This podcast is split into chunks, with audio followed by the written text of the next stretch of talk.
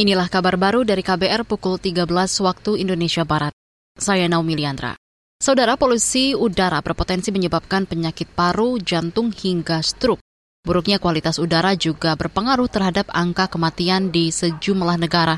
Berdasarkan catatan Badan Kesehatan Dunia WHO, saat ini 90 persen penduduk dunia menghirup udara dengan kualitas buruk. Berikut pernyataan anggota Perhimpunan Dokter Paru Indonesia PDPI Nur Yunita Nainggolan. WHO mencatat setiap tahun ada 7 juta kematian, 2 juta di Asia Tenggara berhubungan dengan polusi udara di luar ruangan dan dalam ruangan. Polusi udara berhubungan dengan penyakit paru dan pernafasan, seperti infeksi saluran pernapasan akut atau ISPA, asma, bronkitis, penyakit paru obstruksi kronik PPOK dan kanker paru, penyakit jantung dan stroke.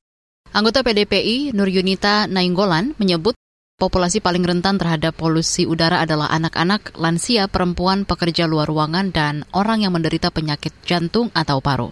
Beralih ke informasi lain, Aliansi Masyarakat Adat Nusantara Aman menyesalkan pidato kenegaraan Presiden Joko Widodo tidak menyinggung aspek perlindungan masyarakat adat. Deputi Sekjen Aman Bidang Advokasi dan Partisipasi Masyarakat Erasmus Cahyadi mengatakan, selama ini masih banyak masyarakat adat berhadapan dengan hukum karena mempertahankan lahannya. Aman ini mendorong supaya harus dilakukan lagi perubahan yang uh, lebih menyeluruh terhadap undang-undang kehutanan. Satu. Kemudian kedua, harus segera ditetapkan undang-undang masyarakat adat.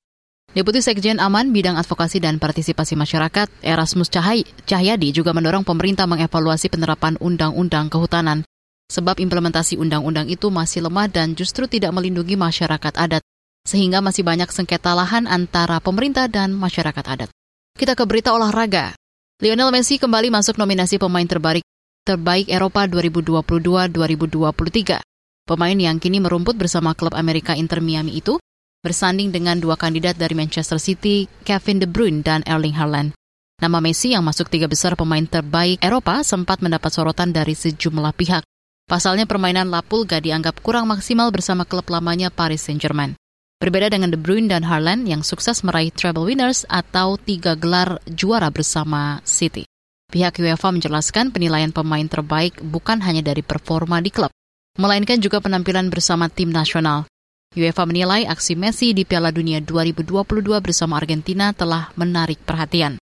Messi menjadi pemain Argentina pertama yang mengangkat trofi Piala Dunia sejak Diego Maradona.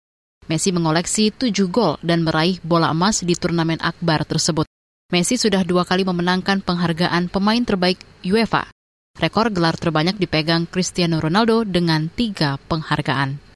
Demikian kabar baru dari KBR, saya Naomi Liandra.